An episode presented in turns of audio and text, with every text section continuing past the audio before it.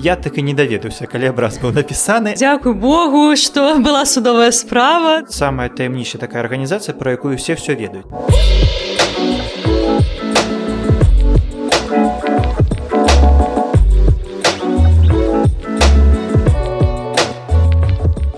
Добры дзень шаноўнае спадарства з вами зноў падкаст так склалася гістарычна і я яго ведучая аўтарка ці як мне можна яшчэ назваць Дядзя гельганна Сёння у нас ужо вядомы вам госць на хвіліначку вядучы навуковы супрацоўнік нацыянальнага мастацкага музея Дмітрий Моніч. Вітаю. І сёння мы вырашылі з Дмітрыем пагаварыць пра мастацтва. Пра што яшчэ можна гаварыць супрацоўнік мастацкага музея натуральна пра мастацтва. І сёння у нас такая тэма таксама даволі цікавая мы паговорым пра адну асобу 19 стагоддзя мастака 19 стагоддзя які ну напэўна не вельмі шырока вядомы шырокай публіцы. Что гэта за мастак? Такі ўстойлівы выраз шырока вядомы ў вузкіх колах мастацтвазнаўцаў гісторыкаў мастацтва. Гэта асоба яна дамеля. Хаця як я яго прэзентую і падаю што гэта самы вядомы мастак мінска будзе нават казаць самы вядомы мастак беларусі першай паловы 19годдзя але асоба яго не так шырока вядома Ды ўвогуле па сутнасці я думаю што будзем шчырымі калі сёння мы э, на вуліцы пачнем пытаць у людзей якіх беларускіх мастакоў вы нам можете пералічыць а не ведаю хто там будзе шагал малевич? Ну гэта ўжо добра калі будзе такі адказ 19 стагоддзя не ведаюць ну самае канешне вядомае імя это будзе Іван хруцкі але гэта ўжо другая палова 19 стагоддзя з першай пол 19 годдзя будзе складана калі запытацца каго ведаеце і для мяне яшчэ важна як для мінчука так хто нарадзіўся жыве ў мінску што гэта мастак які непасрэдна звязаны з горадам Таму што тут пражыў значную частку свайго жыцця это фактычна тут ён пражывае амаль 20 год і ў мінску ён памірае і пахаваны ў мінску. А вось чым ён такі адметны? Вось для цябе асабіста вось чаму ты вырашыў нейкім чынам вось вывучаць яго творчасць? Я бы падзяляў чым ён адметны і чаму я вырашыў яго вывучаць Таму што так да яго адметнасці я прыйшоў пасля таго як яго пачаў вывучаць. Гэта просто банальна так склалася гістарычна што трэба было выбраць мне накірунак ну з якім ісці у сваіх даследаваннях навуковых ужо музеі.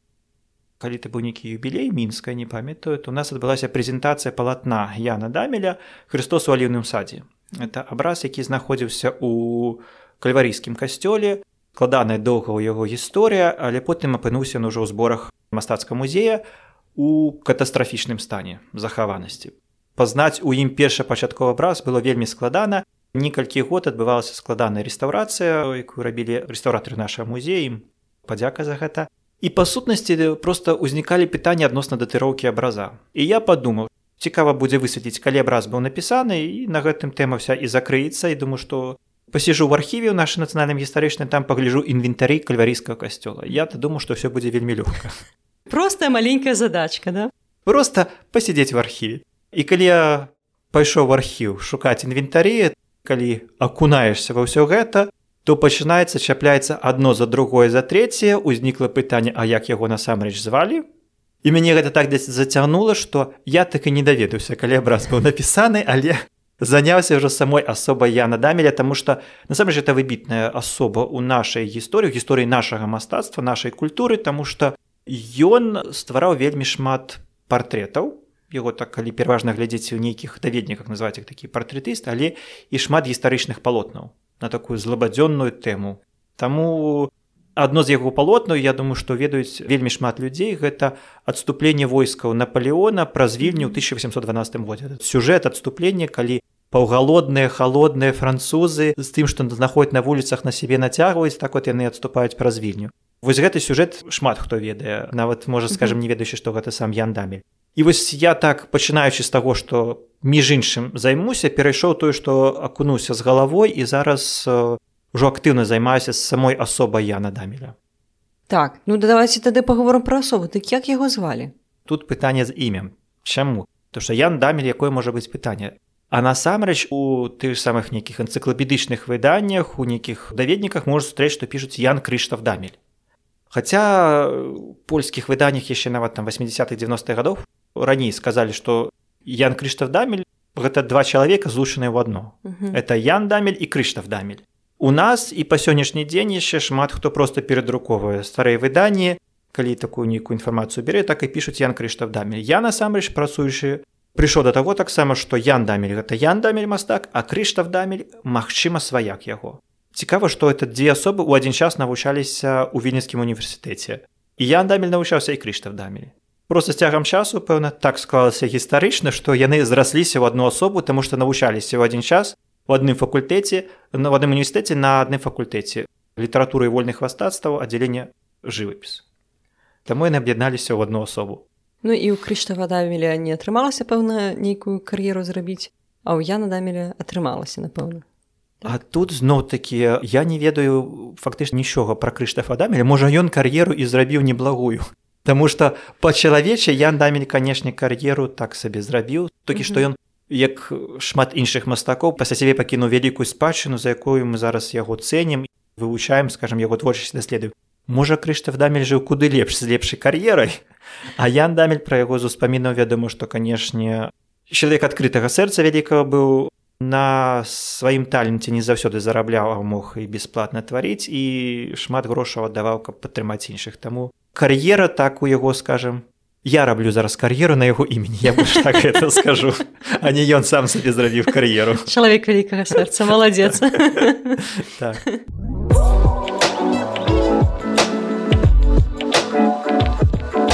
чым займаўся мастак вось перша палоў 19 стагоддзя якім было яго жыццё О, жыццё было нелёгкае, Таму што ўсё ж такі мастак на той момант гэта ў пэўным сесіі яшчэ ўспрыняцце асобы як такога рамесніка, так хто працуе на замовы.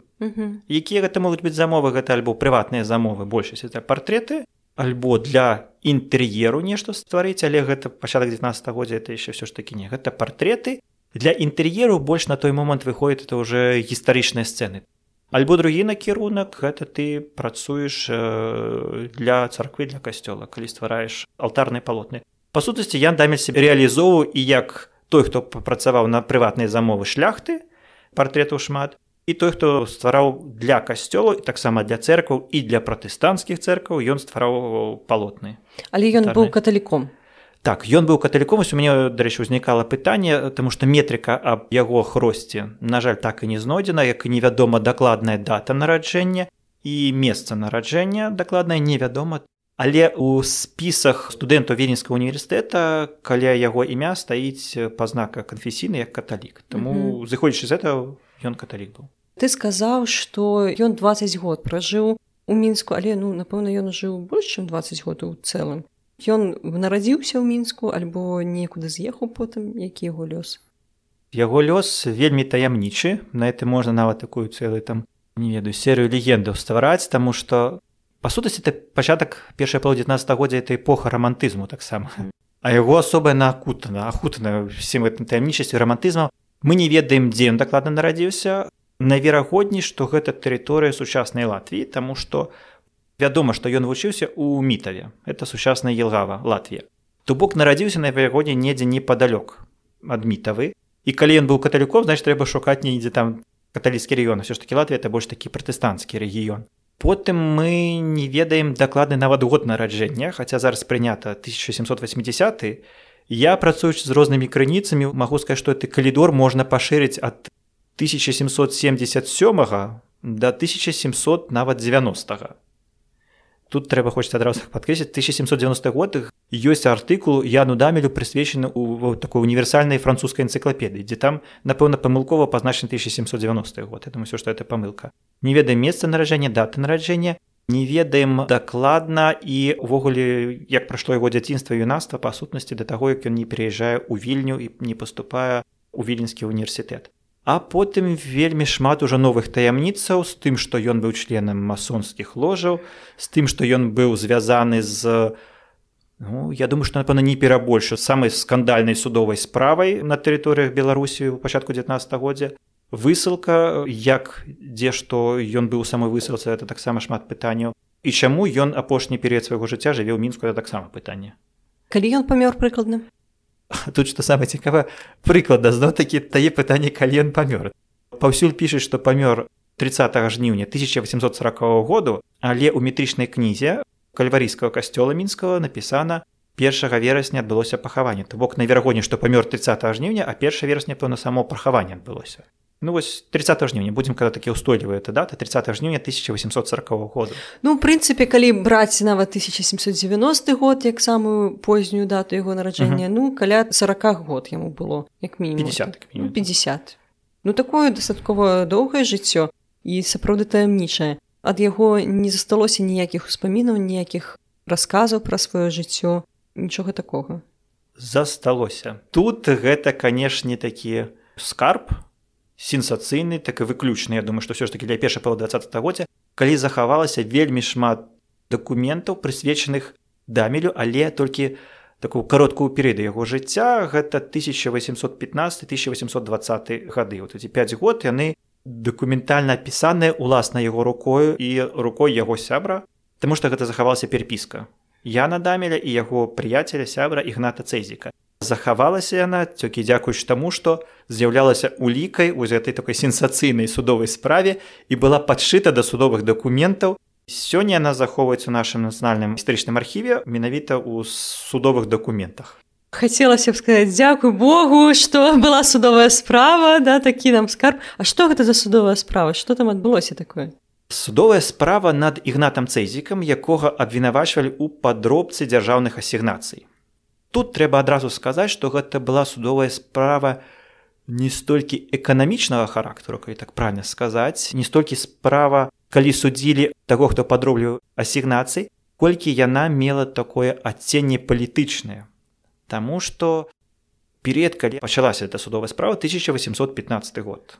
Гэта час пасля вайны з наполеоном і гэта той перыяд калі назовем так перманентная такая партызанская вайна ну не ведаю сучаснай мовы кажучы шляхты былой рэчы паспаліта ўсё ж такі адбывалася калі яны ну не только можа шляхты можа іншыя саслові таксама калі яны ўсё ж такі працавалі на падрыў расійскай імперіі ігнат цэзік па сутнасці той што он падробліваў асігнацыі не толькі для таго каб на гэтым зарабіць колькі яшчэ нанесці нейкую шкоду скажем імперій да. Вы будзем выражацца так. Таму гэта вот судовы працэс таму ён быў такі гучны што ён меў ўсё ж такі больш такой палітычнай адценне чым эканамічнай бок імперыя нанесла удар у адказ так, так? і вінавачвалі гэтага сябра яго а прычым тут дамель. Прычым тут дамель. І так ігната цэзік абвінавачвалі тым што ён рабіў падробкі асігнацый. Асігнацыі тут калі я правільна выкарыстаю што гэта такое? Гэта не грошы гэта фактычна як такі банкаўскі білет які ты можаш абмяняць ужо на грошы папяровы білет які ты можаш абмяняць на грошы ўжо на манеты срэбраныя па сутнасці срэбраныя манеты гэта праблема чаканку падрабіць да все адно срэбра А вот грашовы этот білет банкноту гэта ўжо іншая справа. І вось ігнацэзік рабіў падробкі. Падробкі пачаў рабіць яшчэ ўрад наполеона. Таму што перад тым як пачаць вайну палітычную перад тым пачаць вайсковыя дзеянні саму аперацыю вайсковую то трэба падрываць эканамічны стан расійскай імперіі Таму на тэрыторыю рассіі расійскай імперіі просто закідвалася вялікая колькасць гэтых падробных асігнацый якія потым працягваў рабіць ігнат цэзік а для того іх рабіць трэба рабіць добра. А тут трэба сказаць што нават эксперты якія прысутнічалі на судовым працэсе яны прызнавалі што вельмі складана адрозніць арыгінал ад той падробкі які рабіў гнацэзік А ён сам гэта пахваляўся што толькі я сам магу паказаць дзе падробка дзе арыгінал і для того каб рабіць гэта якасна патрэбны якасны матэрыял гэта вяленневая папера.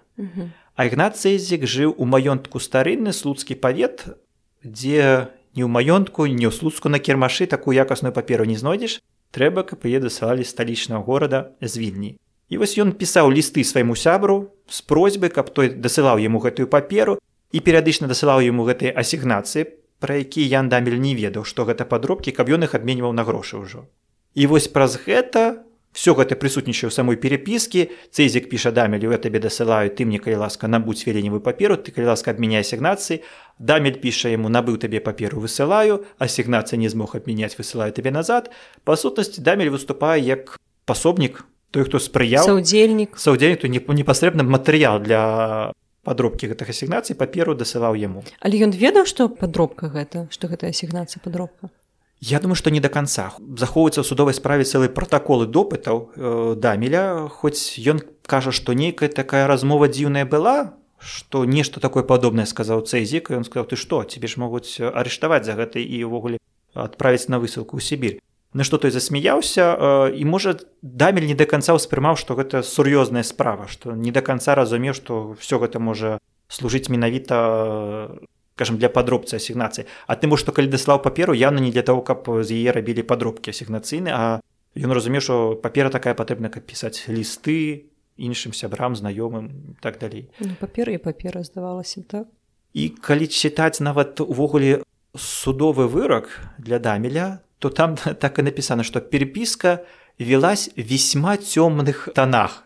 Тут таксама так прагучала што па сутасці як судовая справа над дамелем гэта была справа якая паказаць на будучыню іншым каб нікому не павадна было. Так у выраке ў самім судовым э, прыгаворы так было агучана і к будущему времени чтобы другим не павадна было дамеля трэба асудзіць публічны працэс спецыяльны так. ну і што адбылося з дамелем выніку э, у выніку негледзячы на то што віна дакладна не была даказана яго адпраўляецца на пасяленне ў сібірь 1822 годзе з мінску ён выязджае ў сібір чаму з мінску таму што слуцкі павет гэта все мінская губерня таму суд быў у мінскай губерні мінскі губернскі суд. Яго адправляюць на ссылку сібір дзе ён правёў фактычна крыху больш чым за два гады.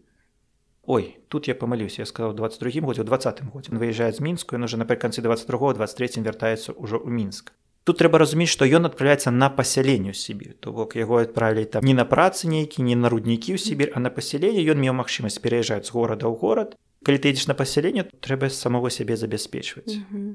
і тут дапамагаюць яго сябры масоны якія з усіх ложаў пачынаюць збіраць грошы на яго падтрымку дапамагае сувязь зноў такі з масонамі таму што генерал-губернатар сібірі михаил спіранскі таксама вядомы масон які паспрыяў таксама таму каб дамелі як мага хутчэй амнісціравалі mm -hmm. і ён вярнуўся ўжо назад на радзіму так таемніча асабліва з масонамі цікавая гісторыя масоны хто гэта такія двух словах я калі паспрабаваў нешта чытаць каб увогуле зразумець это ў кантэксце я на дамеля то гэта канешне зараз самая таямнічая такая арганізацыя про якую все все ведаюць. Это я так канешне жартам кажу.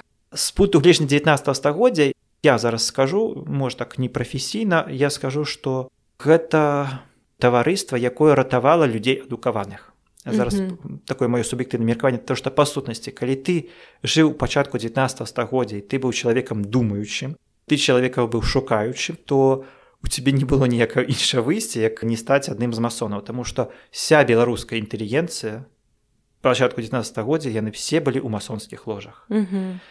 Таму што чым займаліся масонамі калі глядзець там маленькую частку дакументаў які глядзеў гэтай справы дабрачыннасці нейкія падтрымкі сіротаў нейкіх прытулкаў. Гэта дапамога адзін аднаму. Калі ты чалавек высокага духу тебе адразу будзе прыцягваць. А калі ты яшчэ чалавек такі шукаючы нейкі містыцызм для цябе таксама да, да, то тым больш ты усім гэтым пранікнешся Таму я думаю што і дамелі ён стаў членам масона толькі таму што навокал все. Сябры яго настаўнікі все. Навокал все былі масонскіх ложах.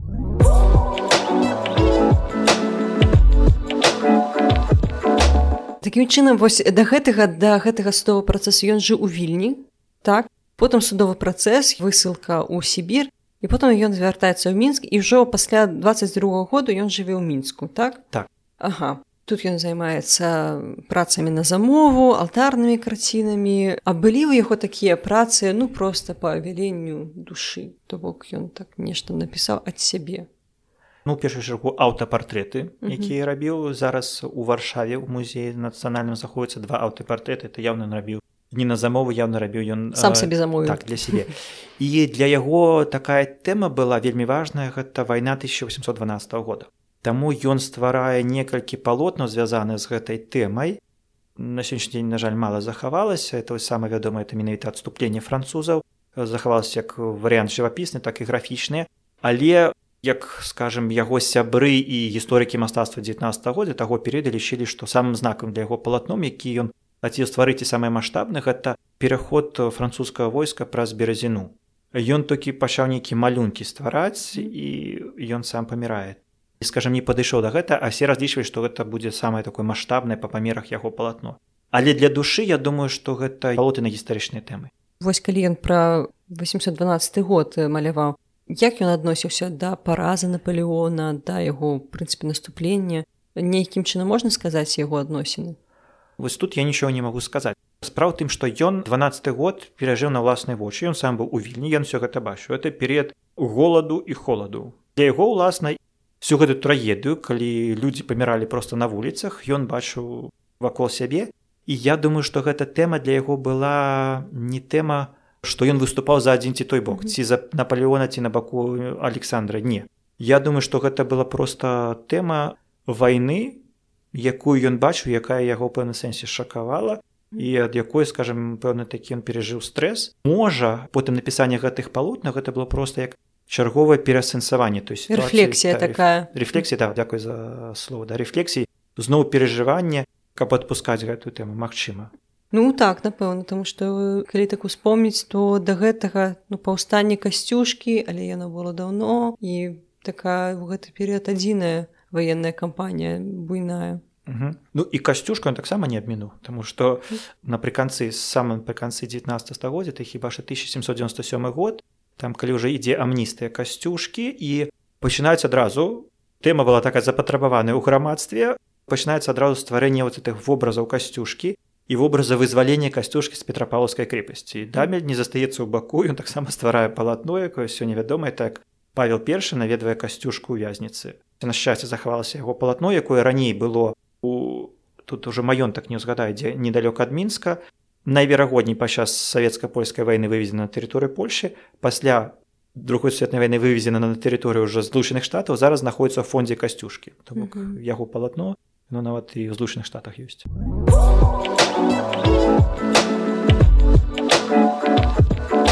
Дзякуй вялікі за такі цікавы расповед. І напрыканцы раскажы калі ласка нашим слухачам куды ісці глядзець дамеля і што трэба абавязкова паглядзець якія творы яго. Трэба ехаць у варшаву каб там паглядзець дамеля. У нас толькі одно палатно знаходіцца ў пастаяннай экспазіцыі гэта нацыянальны мастацкі музей. Некаторыя крытыкі які жылі ў час дамеля называлі яго самавыбітным палатном дамеля. Гэта маленне Хрыста ў аліўным садзе ў гефсіманскім садзе. Ось яго можна ўбачыць у пастаяннай экспазіцыі нацыянальна мастацкага музея палатно якое стваралася для кальварійскага касцёла. А чым яно такое выбітнае? Чаму яго так высока ацэньвалі? Яно цікава і памеры канешне вышыню па тры метры шырыня каля двух метраў. Сюжэт не новы быў гэта Христос з малітваў у садзе але вось менавіта само перадача Хрыста у гэты ўжо момант калі ён вырашае да канца ісці даць сваё жыццё за людзей за ўвесь свет. І я думаю што для дамеля гэта Тэма была блізкая, таму што Христос у той момант ён быў як бы пакінуты самі вучнямі. А думаю, што дамель для яго это было зноў такі вот перажыванне рэфлексіі, калі пэўным сэнсе была такая здрада то што пра свайго прыяцеля сябра ён пацярпеў і вымушаны быў адпраўляцца ў высылку ў сібір там думаю такая тэма адзіноты пакінуць ты сцена для яго власці пакінутасці здрады. Ён з гэтым сваім сябрам ён напэўна больш не сябраваў невядома ігнат цэдзік гэта асобная проста тэма для размовы таму што ён нават больш вядомы чым дамі таму што ігнат цэдзік некалькі разоў уцікаў з высылкі у сібіры ён э, і памірае таму дамі просто уже не меў магчымасці з ім перасекацца ну можа і да лепшага. Так.